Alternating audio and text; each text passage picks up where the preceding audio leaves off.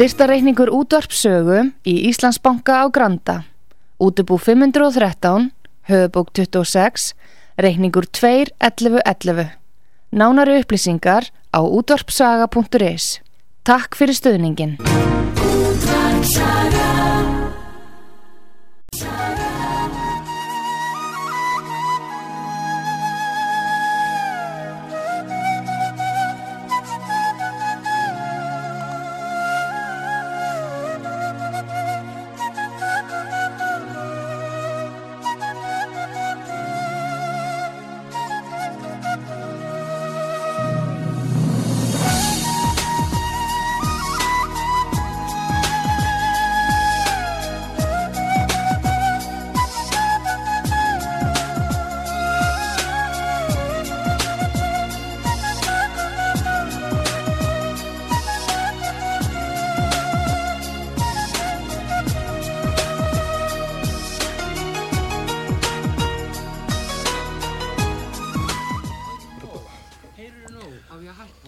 Góðan dag, góðir hlustendur, kæru vinir nær og fjær, útvarp Saga Heilsar, Haugur Haugsson stjórnar uh, heimsmálunum að þessu sinni. Og hjá okkur er Guðmundur Ólásson, hagfræðingur í hljóðveri í Reykjavík. Úps, úps, úps, nú það er byrjað eldgós enn einu sinni á Reykjanesi, nú öllum ávarum eða hvað, mann svo þetta er í lægi, nú er farið að flæða hann yfir þjóðvegi, hýtavettulagnir og fleira og það er frostatíð mikil á Íslandi. Hva, hvað er að gera? Hvernig er staðan hann að gömyndur? Já, já, komið þið sælir ágættur hlustendur, nær og fjær. Já, þetta er bara svo venjulega, það er bara eldgórs og það fer yfir ímislegt. Við því að segja, þetta er búið að vera svona núni í tvö ár og Já, já, það er nú nokkur skemmtir á innviðum eins og kallaðir. Það, me, það merkjar á mannamáli að það hefur orðið tjón á, á, á vegum og, og leðslum og svo leðis. Nú en, en ég held að menn séu nú undirbúinur undir þetta alls saman. Já, og, vonandi. Og, já, og, og bara greindvikingar þeir hafa fengið þetta rosalega högg sem að menn fá að þurfa að rýfa sig upp með rótum og undirbúa að stopna nýtt heimili annars þar algjörlega upp á, upp á von og óvon hvað muni gerast í Grindavík. Já. og og ég maður náttúrulega vorkenni þeim. Þetta gerist nú fjámanni stundum á efinni að maður þarf að flytja og og rýfa þessu upp það er nú þannig mannlífið og Já, já, nú það er heilmikið að gerast hins vegar í, í heimsmálunum ég sé að, að það er mikið að gerast hjá Pútín við nokkar jú, jú. það var Vladimir Vladimirovits Pútín Valdimar Valdimarsson, hann Já. hitti merkan bandarískan bladamann í, já, fyrra dag eða Já. hvernig sem það nú er. Hann var að, hann var að hann Karl Tucker Já, og hérna það eru allir hérna, brjálaður út af því að Tökkar skildi fara að tala við Pútín. Og það eru þarna bandaríski stjórnmálamenn sem vildu, vildu setja Tökkar í bann. Já, já, já. það er, er viðbrað bandaríkjamanna við öllu það er að setja bann á allt og alla það gallum við bönn bandaríkjamanna er hins vegar er, er, er sá að þau virka ekki. Þau hafa ekki virkað í Rúslandi það eru eitthvað um 19-20.000 bann lög komin á rússa og, og hagkerfi rúsneskra stendur bara betur en nella þetta er aldrei merkilegt því að, að, að rússar hafa uh, látið sér þetta kenningu verða og staðin fyrir að kaupa vörur erlendis frá frá Vesturlandum þá hafa þeir farið að framlega sjálfur þar sem að það sem að þeir geta og síðan hafa þeir náttúrulega keift af vinnum sínum eins og kynverjum og, og svo framvegis. Þannig að eh, heljar tök vestrætna þjóða á umheimunum að þau eru þessi heljar tök er einfallega brostin. Já, þeir hafa bara byrjað að framlega sjálfur þar sem að þeir uh, þurfa og þá já. og, og með bara mjög góðum árangri og það er alveg just að fólk í Washington og Brussel og víðar eftir öll öðrum borgum, stórborgum og minniborgum Já. er bara alveg í öngum sínum að, að þetta styrki þetta dýr þarna í austri sem að ég vill ekki gefast upp og, og þetta er svona eins og í miðauraskum ævindýrum frá miðöldum að þegar að rittarinn heggur hérna límina af dreganum að þá vaksa fleiri í staðin, tveir kannski í staðin og, og hann Já. styrkist bara við þetta. Er líka Þetta mjög eru menn æfir yfir á Vesturlöndum, þessu e- eru menn æfir yfir þessu. Það er líka mjög merkilegt að svona uh, mentari bandaríkjamenn og menn sem hafa kollin í lagi það er greinilegt að þeir trú ekki áróður í Pentagon og CIA og þetta fór að bera á þessu þegar Oliver Stone fór til Rúslands og hafði þryggja þátt að viðtal við það pí- príðileg viðtöl. Og hann var aðalega skammaður fyrir það að hafi ekki verið það var fullkomi rugg en, en sama gildi nú um takkar hann einfallega trúir ekki líginni sem borin er fram í bandariskum fjölmiðlum eins og New York Times og Washington Post. Og hann fer bara til Rúslands að tala sjálfur við Putin, það er bara svo leiðis og það er mjög einfalt mál, hann trúir ekki legunum.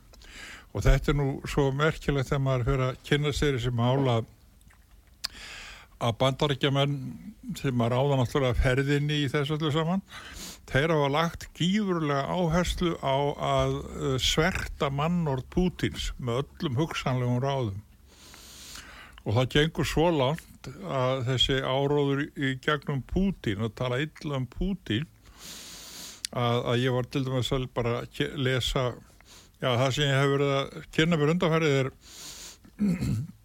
er mikil bók eftir mann sem heitir Peter Short. Og hún er nú aldrei ekki stutt eins og með þetta það er, það er eitthvað um 1100 blaðsina dóðrantur um æfi Pútins svo hafum við að bera þetta sama við það sem stendur í Wikipedia. Og þá, þá kemur við ljós að í Wikipedia er beinlýst bara óróður um, um Pútin Já, já. þjóðhefðingja rússa, það er bara óróður. Já, hún er ritsuð að CIA, aðja, já það er bara augljóst mál að, að það er að klárt mál. það er eng, að þegar kemur að þessu þá er ekkert að marka Wikipedia, hún er ónýtt Já, já. og það er alveg það sama sem gildur um ríkisútvarpi, það er ekkert að marka þessu inn í því. Af því að það er annarkvort bara hreitna áróður eða þá að, að, að fréttastofa ríkisútvarpsins að það eru fréttamenn sem eru bara að segja eitthvað sem þeim finnst. Og það er náttúrulega ekki fréttir sjáðu Og það er handvalið og út hverjir eru Já, já. nógu hérna, fylgisbakir Já, já. leinið þjónustu bandaríkjana. Já, já, og, en, en bara málið er það að, tökkar þessi, hann greinilega trúir ekki þessum áróðri og fer sjálfur að ræða við bakkappan sem er fættur í, í Bostófstræti nr. 12 í, í Leningrad. Ég hef nú komið hann að gengja þarna, þetta er fæðingarstaði Pútins er þarna rétt hjá Líteinistræti, þetta er skamt frá uppreisnartorginu. Það var nú fyrsta, Vastanja. já, Vostanja, það er fyrsta torgi sem ég sjá út um gluggan á Oktujapski hóteli. Ég var, mér, mér var hólað þar upp undir í áur og, og horfði út um gluggan og þá sá ég, sá ég Vostanski plosset og, og, og Njefski stræti.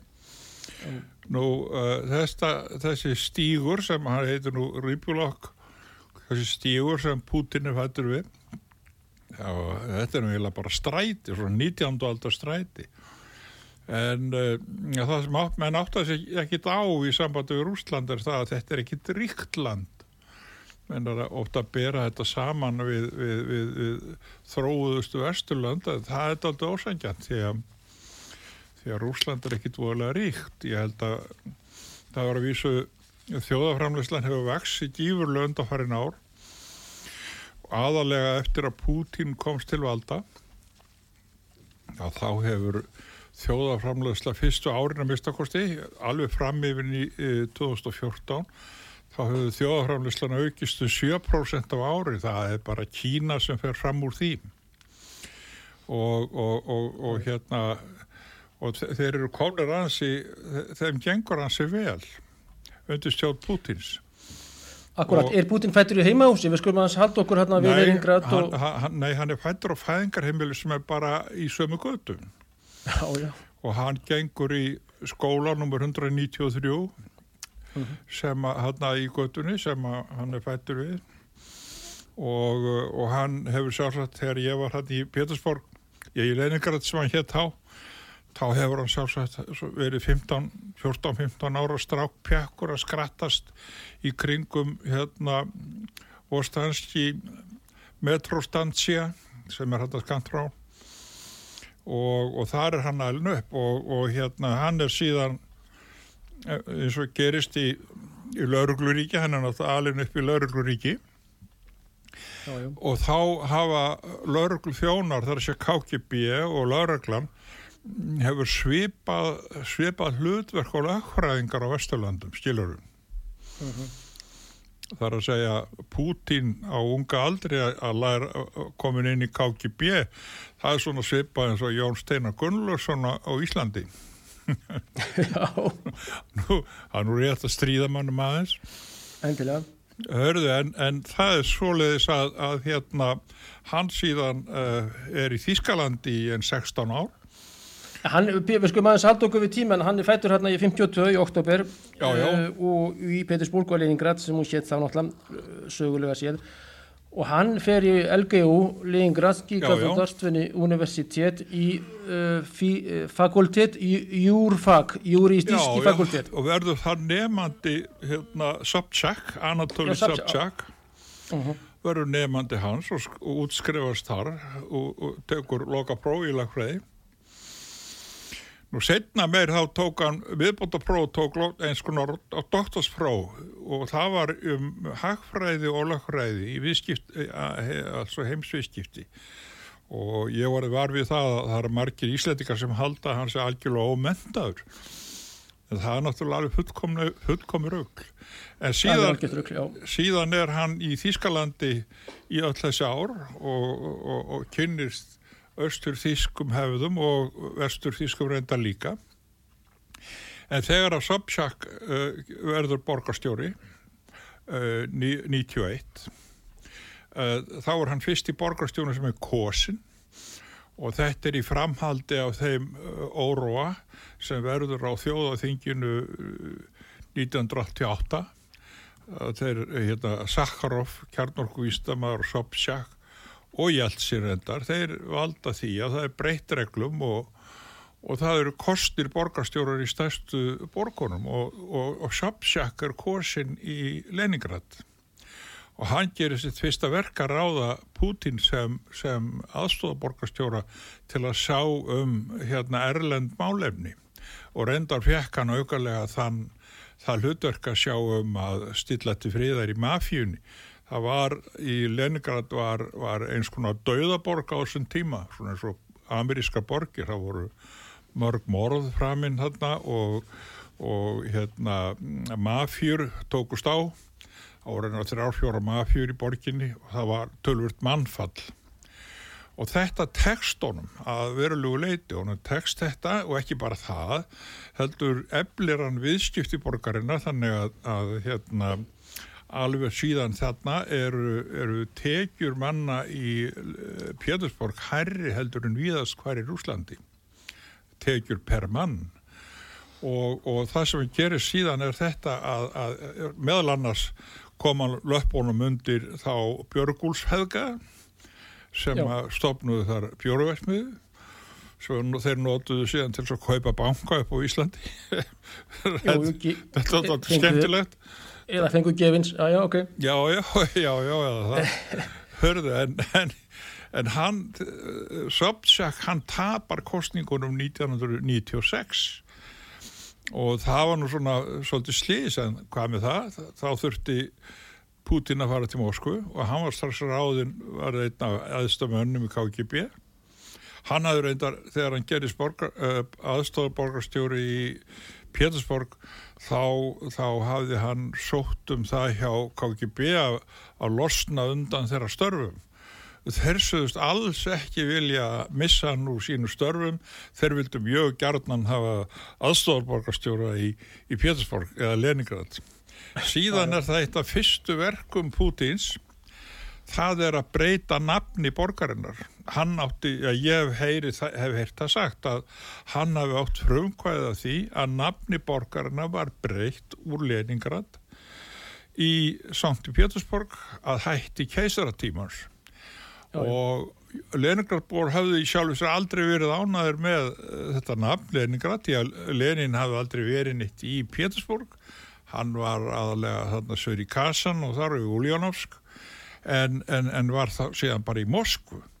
Og, og þetta er korsum þetta, þessi nöfn og það voru þrjú nöfn sem kom til greina. Leningrad fekk ekki ennum að 5% allkvæða síðan var það Petrograd en það var nafn sem hafi verið frá 1914 til 24 uh, að því að menn vildi ekki vera með svona þísku skoti nafn eins og Burg, vildi ekki vera með Burg en það fekk ekki nema 40% en, en Sankti Pétursborg fekk 55% og það verður ofan á og þetta er tekið í lög og staðfest 7. november 1991 og það sér hver helvita maður að það sem Putin er að gera með þessu að hann er að sparka í kommunistaflokkin það bara er þannig. Já, já. og þetta hafi hann aldrei skilið en, en síðan hefst þessi tími að, að hérna uh, þegar að Putin verður síðan fórsettisráð þeirra 99 að þá gerist það sko, alveg sjálfkrafa þegar að Putin hérna deyr nánast eða verður viti sinni fjær að þá er hann gerður að fórseta til bráðbyrða en síðan vinnur hann fórsetakostningarnar 2000 og, eh, og það sem að gerist í kjölfarið það er það merkilegast því að hann tekur í, kemur í vekk fyrir þessa skyndi engavæðingu sem þá hafi verið hafinn og, og var, þar voru ímsið góður hagfræðingar eh, í, í för fyrir eins og Jeffrey Sachs. Og þeirra hugmynd var að ebla Rúsland og koma þeim í tengsl við vextrænt viðskiptalíf. Og það, sko, hann hefur sagt frá þessu mjög greinilega Jeffrey Sachs í, í góðum viðtölum á YouTube að það hafi verið merking, í hans huga var þetta aðalatrið og það var enda líka hugmyndin hjá Clinton bandaríkjafosta að styðja rúsa til að komast út úr þessari eimd sem það höfðu verið í í kommunismannum og kjálfar hans og komaðum inn í, í, í samband við vestrænt vestræn viðskiptalíf síðan þegar það líður á þá kemur í ljós að það er ekkit hugmynd þeirra fórseta sem tóku við af Clinton eða þeirra stjórnvalda sem þá voru komin til valda á Östurlöndum, í Breitlandi og Bandaríkjunum. Þeirra hugmynd var svo að geta, geta nota Rúsland sem nýlendu að, að nýta sér náttúruöðlindir og mannskap að þeirri vild eins og gertir í Söður Ameríku stiftum ríkistjórnir er svona erbuksur og svo frávegis en það er akkurat það sem gert er í þessu löndum sem hefur lotið forsjá á bandaríkjana að þar hafi verið stiftum ríkistjórnir eins og hvaðina en nú er þetta alltaf breytast til dæmis í El Salvador. Það er dásamlegt að fylgjast með El Salvador og og Bínele sem er fórsetið það nýlega orðinu var að vinna stórsið bara núna um daginn. En hvað um það þetta text Putin hann stöðvar enga væðingar brjálaði og, og hérna og hann kemur á því sem við kallum blandað hagkerfi. Það eru bæði, það eru leifið enga fyrirtæki og þau verða fljótt öflug og síðan eru það ríkisfyrirtæki. Í þess skemstu máli þá má segja að Pútin komi á skandinavísku hagkerfi. Það er bara soliðis og þetta finnst þeim ekki gott bandaríkjamannum þeir hafa nú reynda, bandaríkjamann hafa nú löngum litið á Skandinavíu þar að segja Svíþjóð og Danmörku. Þeir hafa nú löngum litið á það bara sem kommunistaríki af því að það er ekki hreinrækt aður enga business á öllum sviðum En svona er þetta nú og við erum hins vegar viljum hafa þetta blandað og það hefur gefist okkur vel. Alveg hreint frá því um aldamóti 1900 þá hafa samfunnu fyrirtækin verið leikil atrið í framþróun Íslands og blandað hagkerfið er það sem allir nútíma hagfræðingar eru sammálum að sé aðfara sælast. En þetta já, já. gerist síðan í, í Rúslandi eftir, 19, eftir 2000 að, að þegar að, þegar að þetta breytist þá, að, þá verður svona gífurlegur hafvöxtur, það er 7% ári uh, alveg hend fram til 2014 uh, en ég er ekki alveg með tölunar og hreinu eftir það. Að hægist svolítið á en hins vegar þá, þá hefur, hefur sko, já það fólksfjölgun hefur ekki verið mikil eftir 2014 en það sem hefur hins vegar gest í þessu nágrannlöndum til dæmis Baltískulöndunum að þar hefur orðið 30% fólksfækkun. Þar að segja í Íslandi, Lettland og Litáin og, og, og, og hérna Úgrænu þar hefur fólki fækkað 30% síðan 1990 og það þýðir bara að, að, að hagvastur hefur verið miklu minni heldur en gefið er upp þeir eru alltaf að státa sig af, af hérna sko að hagvörstur og mann síðan þetta mikill en þá gleyma með því að hann er þessi hái hagvörstur í Eistarsaldríkjónum hann er fenginn með því að minga deilitöluna þar að segja fjöldan uh, en er í reynd miklu minni en, en, en mönnum sínist en hvað sem þýliður að þá, þá er þetta þannig að, að hérna að uh, rússar hafa staði gagvart þessari sóknað vestan því að það er augljóst mála að NATO er fyrst og fremst uh, verkfæri til þess að sækja að rússum. Þetta er eins konar árásar bandalag það er fjölgað þjóðum allt í kringum rússa og það er það sem þeir þurfa að standa klára á að láta ekki í aða yfir sig. Og það hefur þeim tekist og nú hefur það gæst í setni tíð að þeir hafa náð samtökum við kynverja og það er engar vestræna þjóðu sem ráða við það afl sem þar er. Nákvæmlega, nákvæmlega. En, Putin hann fættist, fæðist og fættist á 7. oktober í Leningrad 1952, er sem sagt 71 ás í dag og er í þokkalegu góðu fjöri og, og líður vel og er mjög fitt og annað, mikill íþróttamæður og þetta.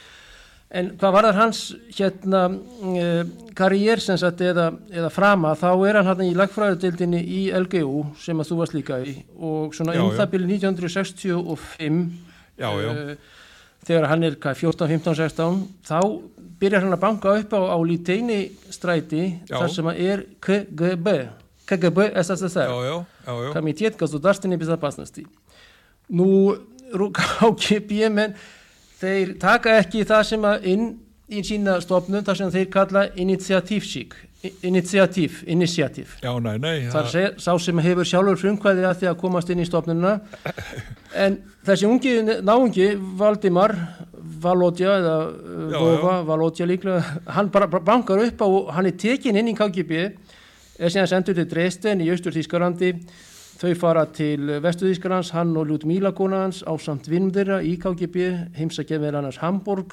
Reeperbahn, Grúsi Fræhætt, öndur lastabæli í Hamburg. Já. Það sem margir íslenski fiskimenn og farmenn hafa verið. Leist náttúrulega ekkert á þetta, þessu unga soviska fólki og fór síðan aftur á bíl þarna til Dresden. En síðan verður maðurinn hreinlega já, fósitríkisins, maðurinn sem er að breyta að margramæti heimsmyndinni og verður vafalust og ventilega hvorsin fósiti aftur í Rúslandi og verður síðan í millitíðinni yfirmaður þessara KGB stofnara sem að núna heitir FSB. Þetta er ótrúlega frami já, já. og hann er bara af alltíðu fólki, ég meina Viktor Putin er grafin í fjöldagröf hann dó 1942 þar að segja að þjóðverðar drápu bróður hans. það var 900 daga umsátrið um Leningrad og hann dó þarna Viktor bróður hans. Já, já. en samt er Vladimir uh, germanofíl hann er hlindur eða vill vinátti og, og viðskipti á millir Úslands og Þískarlands þetta er svona, þetta er merkilega gömyndur Já, það nú, hefur nú alltaf löngum verið ákveðin uh, taug millir Ússa og þjóðverja Það ja. hafa uh, í, í, í keisarahernum gamla, þar voru uh, til skamstíma Þar voru margir þjóðverjar sem voru, voru bæði hershæðingjar og fyrirminn í hernum og síðan voru heilu hersveitirnar sem voru þýskar og það er náttúrulega skemst að minnast að það eru heilu landsvæðin sem voru nánast byggða af þjóðverjum það neð með volku Nú skemst er að minnast uh, hérna bankastjórans fyrirverandi German Gref. Hann er að þýsk, þýskumættum Óskarovits. Óskarsson. German Gref Óskarovits það er rétt. En hérna þannig að það hafa alltaf verið tölvurs tengst millir frakka, nefnillir rúsa og þjóðverja.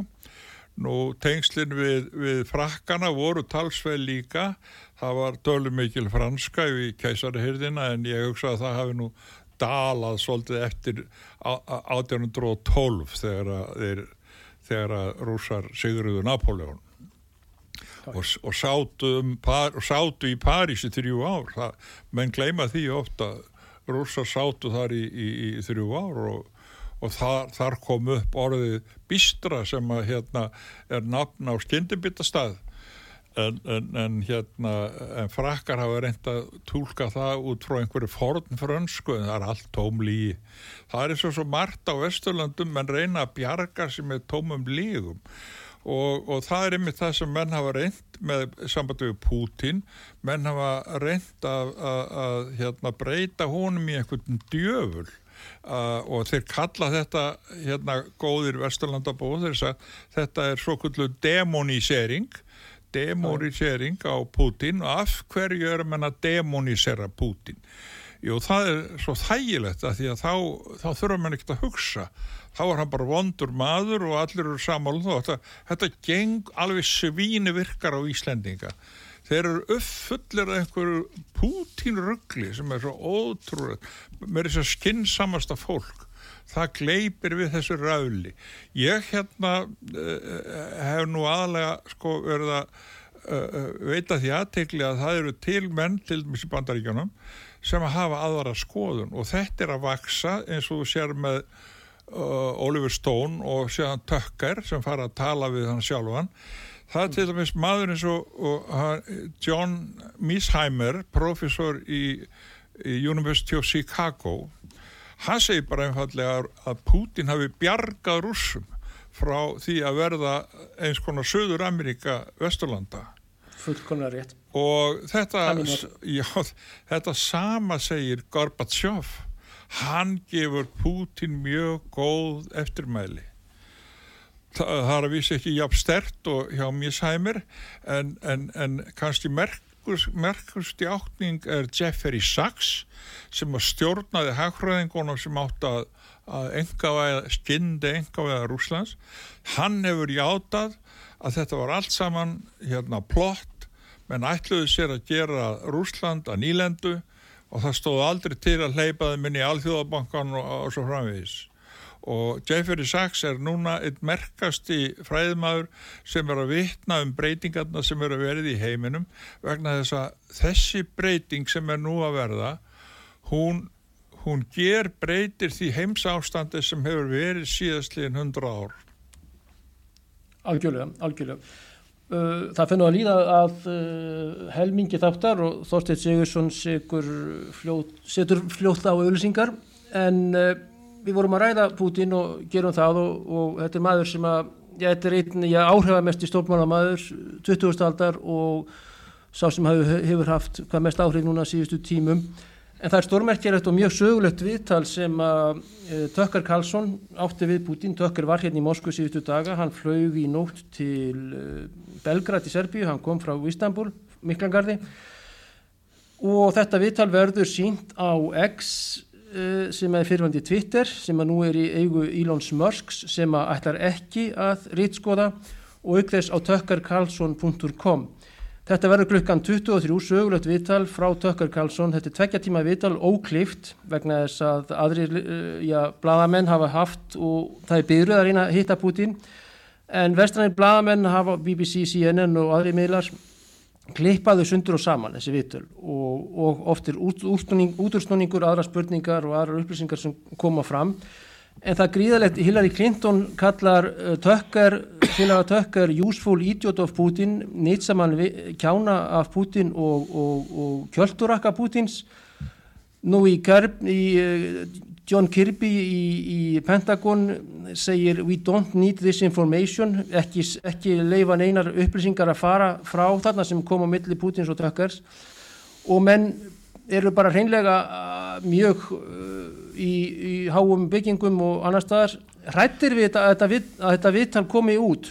En já, aftur já. að það er frumsýninga á þessu viðtali er á X-inu á fyrirvændi Twitter klukkan 23 á íslenskum tíma í dag 8. februar og á X og á tökkarkarlsson.com Guðmundur, hvað heldur Guðmundur Ólarsson Hagfræðingur, hvað heldur að valdi þessari, þessu já, nervositeti, ég minna, ég held að Hillary Clinton ætti að, að, að hugsa sig í gang og byrja að læra að smyrja samlokur handast manni sínum já, for, sem að var á eigum hérna Lolita Express og Virgin eigu með, með mjög óskemtilegri típu sem er kannski önnur spurning en lögland kannski ná ekki yfir þetta fólk. En ok, önnur spurning eh, hvers vegna er svona mikið með svona nervus? Já, það, er, það er alveg augljóst mál og eilítan það er alveg augljóst mál höguminn það er í undanfærin við skulum segja 20, 30 ár þá er vestræð sko yðnaður eh, búin að hefur snúist mjög um það að, að demonisera að demonisera Putin það hafa unni við þetta týjur þúsunda manna á vegum Pentagon, það er búið að verja í þetta miljörðum að gera Putin að djöfli. Og hérna og þetta, eh, þetta er bara fjárfesting sem er að fara í vaskin. Ég hef verið að bera þetta svolítið sama við aðstandið sem var í Þískanleiti 1933. Þá var við störm aður sem hétt uh, uh, hérna Gödel. Nei, Jó, Dr. Jósef Goebbels. Nei, já, Dr. Jósef Goebbels. Uh -huh. Og hann hafði verið að ráða bara blöðum og útvarpi. Hann hafði ekkert sjónvarpi eða tölfur Samt sem áður þá tóst Goebbels að fá þýsku þjóðina til að trúa því að það hætti að útrýma gýðingum. Og þetta er, þetta er bara, þetta er svo lærdomsrikt hvað hægt er að gera við þjóðir þegar að farið er að ljúa og ljúa og ljúa. Og það er akkurat það sem hefur gæst núna Í dag þá ráða samskonar öll yfir sjónvarpi, tölvum og við getum sagt að afkasta geta líginar er kannski miljón föld á við það sem blessaður göppelskallin hafiði. Já, já. Sennilega meðjónföld og þeir eru búin að nota allt sitt afl til að demonisera Putin. Núna hrýnur þetta, þetta hrýnur þessu spilaborg menn bara trúa ekki lengur þessari lígi og það sem er eh, eh, það sem ber vottum það er að heiðalegi bladamenn svo tökkar hann bara fer á staðin til að tala við hann sjálfan. Hann, fer, hann flettir ekki upp í Wikipedia. Það er ekki hægt að trúa henni einu sinni. Svona er þetta og þá er að þá er að menna glata út um glöggan gífurlegum fjárfestingum. Það er búið að fjárfesta í líginni og hún er einskisvirði lengur því að menn trúa ekki ríkisútarpinu þegar þeir segja fréttir á Rúsum og Rúslandi. Menn eru hættir því, skynsami menn eru hættir því. En þetta verður mjög áhugavert viðtal hjá tökkari og Putin og ég held að þetta verði bomba ákveðin leiti og, og já, þeir sem já. að vilja fylgjast með heimsmálum, ég benda aftur á þetta klukkan 23 að íslenskun tíma, klukkan 18 að standard Eastern Time, þar að segja Washington og New York tíma, en 23 að íslenskun. Hvað séru? Það situr við tölvuna spentur. Í dag, í kvöld, klukkan 23, já, já, tvö að Moskvutíma í nótt, endilega fylgjast með. En það sem að doktor Goebbels, uh, Jósef Goebbels, hann sagði það bara, því meira sem að líin er uh, hérna keirt á henni, endurtekinn og annað, því meiri sannleikur verður og svo eru tvö líkilatriði að sjokkra fólk Já. og hræða fólk. Já. Þetta er algjörlega að gerast með rúsa í dag á, í ríkisúttarpinu hjá með það bara ríkilega litlu bagamenn sem eru þar og, og yfirstjórnina og já, ég vil ekki tala litlu mann vinn minn, fréttastjóra. En ég minna, þú veist en þetta, þetta er bara til að það sé auðvöldar að drepa þetta fólk eins og með geðingana og allir klappi. Já, já en ég, mér er sagt að Goebbels hafi bætt við þegar hann búin að segja þetta með líina og lífur, lífur nógu mikið það endar með því að menn trúinni en það endar með því að þú trúir líginni sjálfur. Já, akkurat, akkurat. það er það best í því. Og það er það sem hefur gæst með marga svona vesturlandabúa sem að emja lígina með þið trúa þessu Já, já, ég held að Goebbels hafi sagt að... að það er kannski eitt að- það er kannski eitt af því sem við ættum að ræða á eftir það eru trúabröðum sem eru ríkjandi í, í, í, í pólitík til dæmis hér á Íslandi Algjörlega, algjörlega. En ég, að, með Goebbels að ég held að hann hafi sagt uh, að ef að menn, þú lætur manneskju segja ég er svín, uh, að þá í þúsundasta skipti þá byrjar manneskinn að hrína þetta. Sem sagt, ich bin ein Schwein, ich bin Schwein, ich bin Schwein og síðan í þúsundast eitthvað, svona. Þetta er ágætt, þetta er ágætt þetta er, haft eftir Goebbels. ég er að lesa drap sig. Göbbels og ég er að stórriðin af þeim manni, hann er merkilegu maður þó hann hafi verið þó hann hafi te tekið þátt í þessu brjálæði Já, já, já. En hitt, uh, ég, ég líka bara að lokum, loka, loka, lokum að þá held ég það hvað myndur að ákveðin elita í Brussel, ákveðin leiti í Washington líka, uh, Úrsúla, þetta af, kýðinga, af hérna nazista kynni og þetta fólk sem að vill bara uh, þetta, að undarmenn sinn verði aftur þrælar og þau fái þarna spilara frá Bolsói við ingangin í Auschwitz og Ich Arbeit macht frei og þetta. Þau hafa aldrei fyrirgefið rauðahörnum, rússum og sovjetmönnum að neyða Jó, Dr. Jósef Goebbels, Adolf Hitler, Efi Braun, Him, Himmler, Göring og þetta lið að drepa sig eins og þeir gerðu. Einhver fór reyndar til Paraguay og margir til Kanada og bandarækjana líka.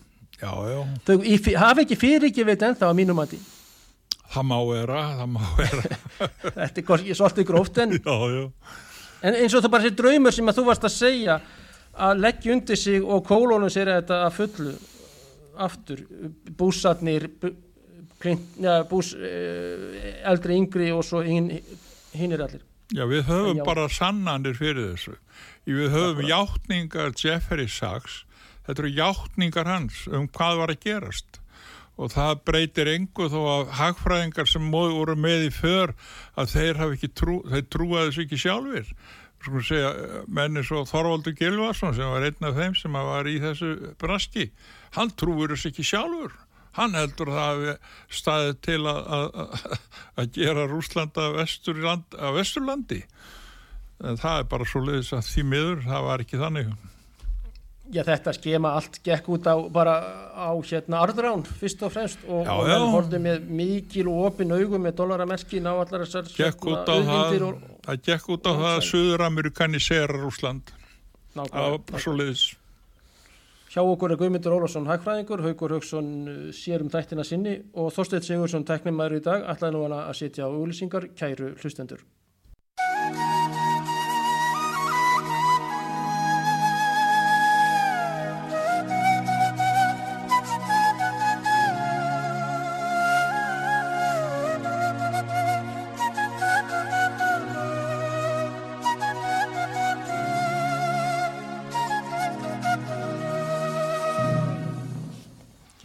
Góðan dag, góður hlustendur.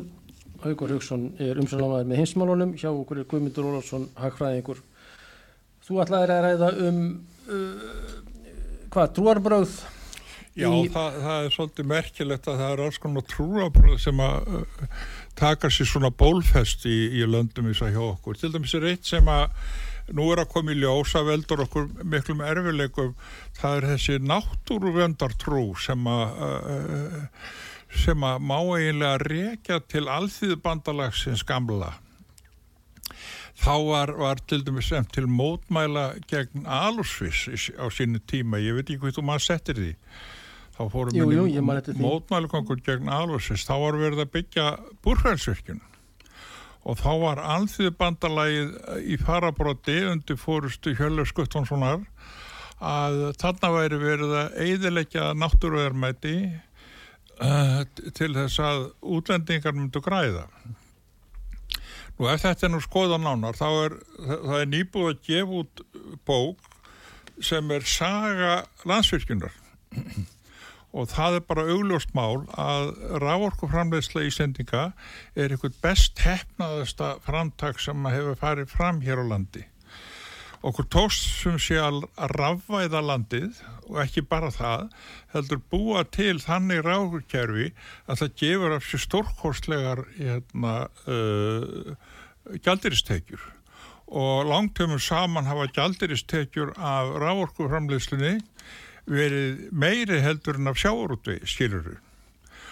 Og framið fyrir þessu hafa menn verið að að hveða eitthvað söng um náttúruvend ég, sko, þetta er svo erfitt átt að segja þessu vegna þess að þetta, þessi söngur um náttúruvend hann byggist bara á einhverju sem að fólk heldur að því finnist. Okkur þykir svo fallegt að horfa á fossin eitthvað svona.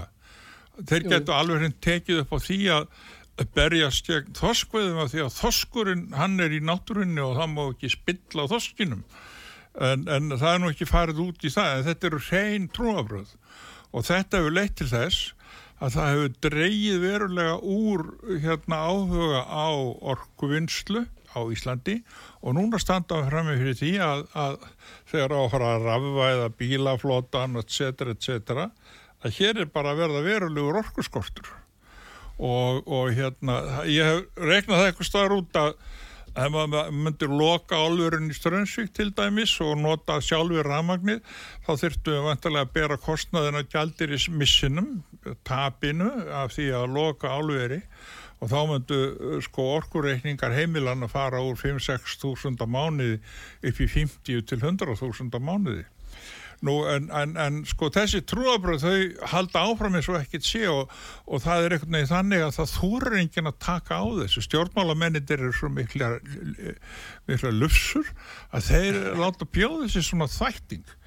Nú annað trúaratrið sem að veður uppi það er engavæðingar trúin að, að hérna, það, er, það er þannig að það er ymsir góðir vinnu mínir sem eru haldnir þessari engavæðingar trú að ef að menn svo, svo mikið sem anda á þessa hugmynd að þau enga væði alltaf skapaða hluti að þá, þá bókstallega gangaður á köflónum sko og vilja helst setja hann í fangelsi eins og gert þessum staðar. En, en það er bara þannig að, að hugmyndin um engavæðingu alls herrar engavæðingu hún er eiginlega algjörlega búin að sykla sitt síðasta við skulum segja til dæmis meðal háskóla hagfræðinga og minn ágætti lærifæðir eh, Þáun Eggesson eh, var samstagsmaður hérna Ronald Coase og uh, Ronald Coase fekk nú Nóbasölun og, og eitt af því sem Ronald Coase var með var það að blanda auðvitað það sem best færi á og stæði best. Og allar, allar, allar trúarsetningar í þessum efnu eru svo tómpull og við sjáum það bara vel hérna hjá okkur að, að, að samvinnufélög þau voru eitthvað það besta sem gafst fyrir okkur hérna fyrir á, á, á 2000-öld og síðan hafa alls konar félagsleg fyrirbæri eins og verkamannabústæðir og svo framvís og framvís þetta hefur gefist mjög vel hjá okkur. Og núna eh, þá verðist svo vera að framsóknarmenn þeir eru búin að yfirgefa þessa samvinnu hugssjón og, og hann ég get ekki síðan að hann sjá kafi að engavæða að engavæða heilbreyðiskerfið að það mjög leitið sem það er und og, og, hérna, og það mun þýða áðbáslegt þjón fyrir Íslendinga. En það er, það er bara svona það er hitt flokkur hér, sjálfstæðisflokkurinn hann er undir lagður að þessu ruggli og hérna og hérna þeir eru náttúrulega að tapa. Flokkur og svo samféltingin sem að mér veriðist samt að þeir séu sáttir við uh, blandahagkerfi eins og er á Norðurlandum að þeir verðast standa vel í hérna skonukonunum og það kann að vera að nú sé að verða breyting í þessum trúabröðum í, í hérna íslensku efnagslífi og Guðlóti gott á vita segi bara. Já, já, já, já, en hvað var orkuna? Þá er, er álið miklu, miklu meiri eh, tekjuð aflandi dæmi heldur en hérna, fiskveiðars Já, já. Og það slæri hátt upp í ferðarmennskuna sem er náttúrulega nummer eitt á Íslandi, Íslandi í dag. Já, en þá kemur það sem við nefndum síðast að kostnæðurinn er svo miklu meiri af ferðarmennskunni. Að já, þó að tekjurna séu meiri þá eru kostnæðurinn svo markvallt meiri heldur en af, af, af rávorkurframlislunni.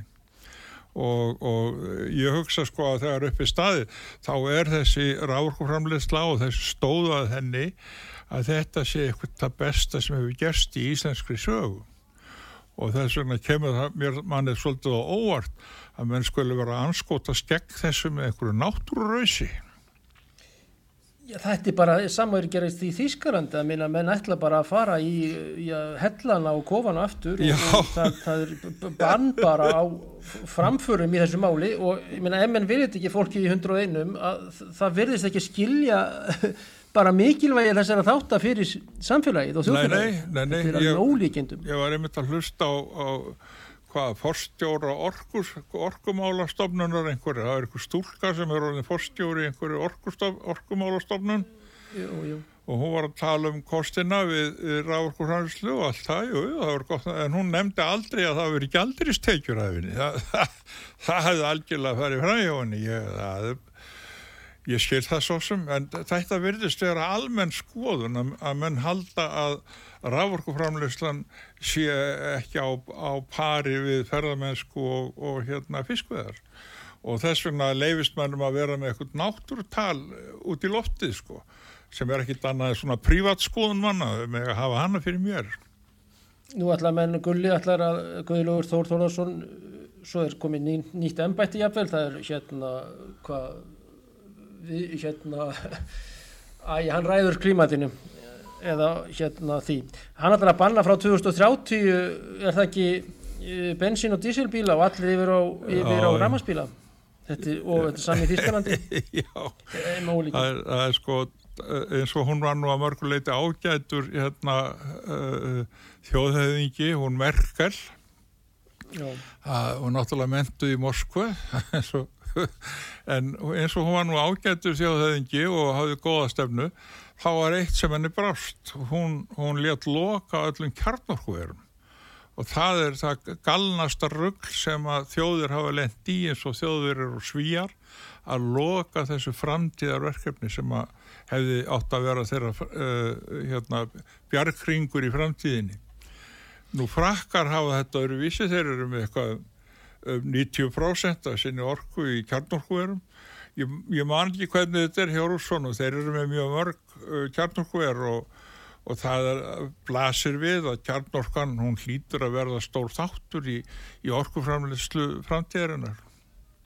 Þeir eru mjög mikil að kjarnungavölum og eru að byggja ver í Tyrklandi, Egiptalandi, Afrikulöndum hingað og þangað, Já. bæði sem þróunar aðstof og og, nota mikið og gríða mikil orka í Rúslandi og engin skortur á því. En í Þýsklandi er allt í mínus hvað varðar þjóðaframlustlu og, og hagvöxt og framleiðni og annað og, og það er fyrst og fremst út af því að þeir hafa verið að skera svona hríkilega nýður, sérstaklega græningjaflokkurinn Já, þar að segja Habeck og, og, hún hérna Anna-Lena Baerbock sem að furðulegt nokk, svo stúlkakjöli geta gengt uh, ennbættu utarkirðaður þess ágætsríkis já, en það er hægt að hafa eftir, fra, já, margt hægt að segja um hana. En hérna svíjar voru í gæri að fyrir dag að eh, loka Nord Stream 2 dæminu. Já, það er að segja að þeir sést ekki hafa neina sannanir. Nei, þetta hafi ekki verið glæpur jafnvel og svíjar hafi ekki komið að sög og það var fánálega sko hvernig sænskir embætismenn skrifa um þetta og Marja vinkun okkar Zakharova já, Marja Vladimirovna Zakharova fór yfir þetta og ég spurði hann aðeins í gær líka á fréttamannafundi og hún fór Já. yfir þetta mál. Já, við hlóðum nú saman aðeins við í bytni yfir allan heiminn. Og eh, en svíjarnir eru sem sagt að, að eh, loka þessu máli og segja í rauninni að þetta hafi ekki verið hérna glæpur nú uh, þessir bandarísku uh, kafarar komið frá nor, nor, nor, norsku landsvæði. Það var P8, Position 8 njósnaflugvél sem nóttina fer frá Keflavík og kemur aftur heim með, með njósnadæmi njósnavél, Position 8 vélarnar staðsett í Keflavík. Og Danir eiga líka að hluta þessu. Þetta var við Bornholm á dönsku svæði. En þarna eru uh, sagt Viktoria Núland og aðrir neokonar í, bandar, í Washington að sprengja leiðslu frá Rúslandi gríðarlegar leiðslur uh, Nord Stream 1 og 2 sem er frá Finska flóa, frá Pétursborg og því svæði Gatsína ef maður rétt og yfir til Græfsvald í austurparti Þýskarnas e, það hefur engin áhuga að sjá þessu hjá meginstunarnsmiðlum og háttvirt utaríkisláður Íslands þótt KRG þá Þórdís Kolbrún Reykjörg Gilvaldóttir sagði að rússar höfðu sprengt þetta sjálfur Já. ung stúlka frá Akranis við höldum reynda að það heldum með sama fókbaltalið ég, ég held alltaf með skaganum. Já, það var förðuleg kenning. Það voru meirum masokistannir en það, ég, það er gott að minnist á þetta því að við vorum um þetta ræða þetta í síðasta þætti minni við. Og Já. það hafði sambandið með hérna, þjóðkunnu bladamæður uh, og hann sendi mér uh, mikla skýslu um þetta mál við höfum verið að ræða við uh, niðurstöður Seymour Hertz Seymour Hertz hafði skrifað um þetta og hann hafði komist að þeirri niðurstöðu á þess að nefna sko heimildarmenn að bandaríkjumenn hefði séð um þetta. Hins vegar þá voru bladamenn, sko hann skrifað sína skýsla einhver tíman í februar. Hins vegar sendu bladamenn á Der Spiegel, þeir sendu frá sér mikla grein um þessa eðileggingu á leiðslunni og þeirra niðurstað var svo að þetta hefði verið úkrænumenn sem hefðu sprengt uh, þessa, þessa leiðslu.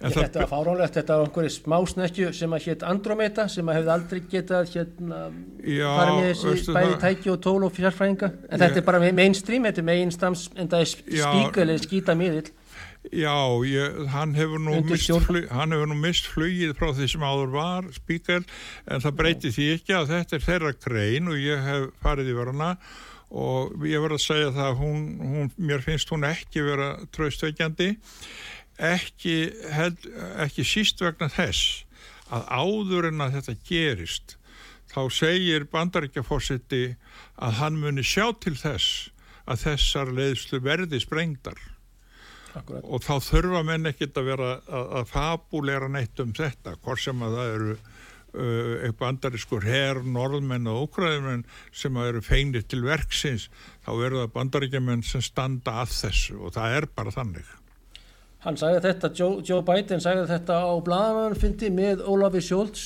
í Washington já, já, í kabinettinu, Oval Office eða hvernig það er.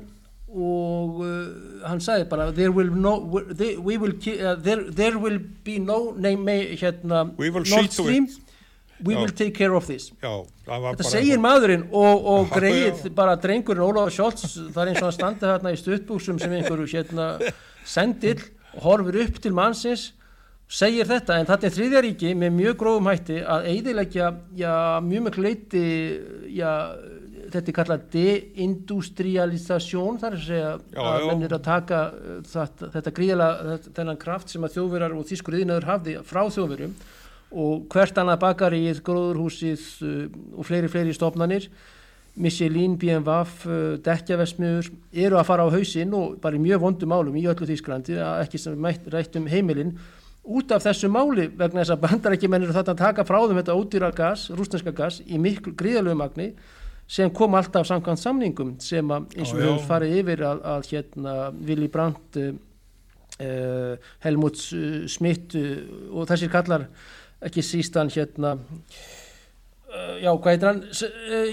Þessi kanslarar Þýskalands gerðu þessa greiðalegu samninga já, sem já. höfðu ostpolitík og realpolitík að leðaljósi Já. En það hins vegar eitt sem að má segja kannski að þeir spíkalmenn hafið svolítið til síns máls er það að, eh, að það er saga þessara gasviðskipta, hún er nú langt aftur og þannig að rússar hafa verið bóðilega góðir við Baltísku löndin og Ukrænu, þeir hafa selgt einn gas á halvviriði með heimsmarkaðsverð eða seldu þeim áður fyrr. Og, og en það nægði ekki því að Ukrænumenn þau eruðu uppfísir að því að hafa stólið 25% af því gasi sem átt að fara í gegnum Úgrænu til Þískalands og þess vegna var þessi Nord Stream uh, þessar Nord Stream leiðslur þær voru byggðar vegna þess að, að, að Úgrænumenn þeir eru fallað stálu gasinu sem átt að flytja í gegnum þeirra land. Nú reyndar eh, hef ég heilt sagt af að pólverjar hafi átt eitthvað tátt í þessu líka en það, ég, það er ekki góðar sannanir fyrir því að þetta er alveg örugt með úkrænumenn og þess að segja að það er ekkit fjari lægi að, að úkrænumenn hafi tekið þátt í því að sprengja þessar gasleðslur eins og þær hafa verið búin að vera þeim miklar teikjulendir hér áður fyrr að þessar gasleðslur á sjáarbotni eru náttúrulega ekkit annað en það verið að fara fram hjá þeim. Já, þetta er bara síðast beinastu punktar, það er sem sagt Rúsland, Þískaland í stað þess Rúsland, uh, og það var tappað mikið af þarna sérstaklega í Úkræn og, og Pólvíðrætning kannski einhver litlu leiti en, en Úkræn er mjög slæmir með þetta. En áður ég missið þá er rétt að ég ætla bara rétt að minnast á eitt. Ég verið ég fylgist Já. alltaf með hérna í Svestja og, og, og litteratúrun eða Gazzetta og Novaja Gazzetta, ég sé að Novaja Gazzetta er að gaggrýna uh, réttarfarið og uh, það er nú það sem að kannski er eftir, þeir eru eftir að að taka til í réttarfarinu þeir Putin og Medvedev þeir eru nú báðulagfræðingar og doktorar og manni finnst að þeir mættu nú taka á því. En ég sé að Novaja Gazetta þeir fá að, að, að gaggrína stjórnvöld mjög grimmilega. Og það er bara ekki rétt að gaggríni fá ekki að, að hérna, eins og segir í Wikipedia, þeir haldaði fram að Putin sé búin að koma Úslandi aftur á sovjettíman, þetta er svo mikið lí en, en það er til dæmis bara eitt sem að blasir við að Putin kom því í gegn að rússar með að fara á landi hvena sem þið vilja. En hvað gerist þá? Jú, þá koma Vesturland og bannaði með að fara á landi. Akkurat, akkurat. Ha, Þetta er allt annað á sovjettímanum Þetta er svolítið snúið. Ha, Nú er það Vesturland sem bannar rússum að koma til sín En það faraði bara austar, þeir horfa bara í söður og austur og söðustur, Vietnam, Kína, Indland. Þeir fara bara til Tyrklands og Indlands. Já, já, já, mikið lóskuð. En það er leif þarna stjórnar, eh, hvað við segja, stjórnaranstæða í miðlum ákvönleiti, það er á rétt, eh, sem að ekki kannski má segja um Ísland og við minnum að sjálfsögja á þetta merka viðtal, sögulegt, þetta verður aðal umræðuöfni um heima allan vantilega á morgun fyrst. Já, já. Er að segja viðtalið við Takkars 23 í dag á íslenskum. Það er svolítið þannig í Rúslandi að það eru sko ekki nema fægir flokksmenn sem eru í dómstólunum og eru skipaðir þangað. En það er bara eins og hjá okkur, við þekkjum það. Það eru bara öryggir menn sem komast í dómstólana, það er einhver vittlisingar Það er margt sem yfir fer í Rúslandi, það er engin að segja þetta sé eitthvað hérna fyrirmyndar og annað ríki en, og Ísla, ekki síst á Íslandi líka og í já, já. þessu máli ekki síst klíkustarfseminn og flokkadrættirni Já, það sem skrítum við domstólana, þeir eru svona þeir eru eftir sokna verðir Já, já. En, en í El Salvador í El Salvador þar er við að gera góða hluti, þar er fórsetin núna að láta fangelsa, dómara og lögfræðinga bæjastjóra og þingmenn í stórum stíl. Hann byrjaði á að láta fangelsa sko dópkaupmenn 6.000 dópgengi voru uh, settir í fangelsi og nún er það svona framámenn í þjóðfélaginu sem hafa fjúk í, í steinin. Og þetta er stormerkilu þróun hann í El Salvador. Ég bendi mörgum að fylgjast mjög vel með því landi. Það eru margir merkirlega hlutur að gerast í Suður Ameríku en þetta er Najib Binele sem er, hann er arabi frá Líbanon, Kristin Líbani. Já innfluttur sagt, með sinni fjölskylduvantila til Suður Ameríku en mjög rauksamur og, og þetta er svona ákveðin til ekki með kananum algjörlega. Þarna þessi nýju ungu leittógar í allri latín, stóri Latín Ameríku nema hann í Argentínu hann e, Milley Javier Milley en þetta er merkilegt í Mið-Ameríku Já, já, alveg rétt. Það, það, þar kræmar, það er kræmar allt Það verður áhugart að fylgjast með þessu já. og, og mar margt að gerast. En, en, en uh, já, í lókinu hefur ekki að minna einu sinni á Tökkar og Bútin klukkan 23 á X-inu, það fyrirvændi Twitter. Allir að hlusta Tökkar og tökkargarðsson.com Alveg sama hvað hann er mikill hægri maður hann er bara, hann er frægur núna. Já, hann segist elska bandaríkinn en ekki Bútin og ekki Rúsland en hann segir að gera þetta fyrir bandarískan almenning og bara bandaríkinn sem að, já, já, já En Hillary kallar þetta right wing pressu, right wing media og bara, hún, vil, hún myndi vilja loka á þetta Hillary Clinton. Hillary Clinton böðullin í Líbíu. Já það var satistíst, það var ógeðslegt að sjá hvernig manneskjan uh, horfi á þegar Muammar al-Gaddafi, mjög merkur maður í fórseti Líbíu, Já. var dregin uh, hálf látin eftir gödurnar í jeppa og hún hló brosti. Já, og það var svona einhver ógeðslegur hrollur sem að fór um þessa konu og, og hló mjög svona og viðbjóðslegt að sjá. Bö, ég kalla hann alltaf böðulinn í Líbíu, það er bara fyrir en óhamingju samt fjör, fjör, hjónaband og hann hélt fram hjá hann er nú barnanauðgari að einhver leiti að mörgu leiti já. það verður volandi sannað. Hún kannski e, fær að fara með samlokur í fangisið ef að réttlætt réttar höld verða yfir þessum e, vinum hans e, Epsteins, Epst- Epstein. Jeffrey Epstein. Já, já, það og það er staðarind að fólk var á eigum með smástelpur frá Austur-Európu, frá. Latínu-Ameríku og var að skemmta sér og þetta er svo, já, já, já. Ok, á góðum nótum hlustum á tökkar, lopið minn. Já, takk hérlega. Takk fyrir, bless. Þorsteini sinni þökku við dæknumennskuna. Haukur Hauksson kveð frá Moskva bíli verið í sæl hlustendur. Balsoj. Balsíba, lifi útvarp saga og frjáls fjölmjölum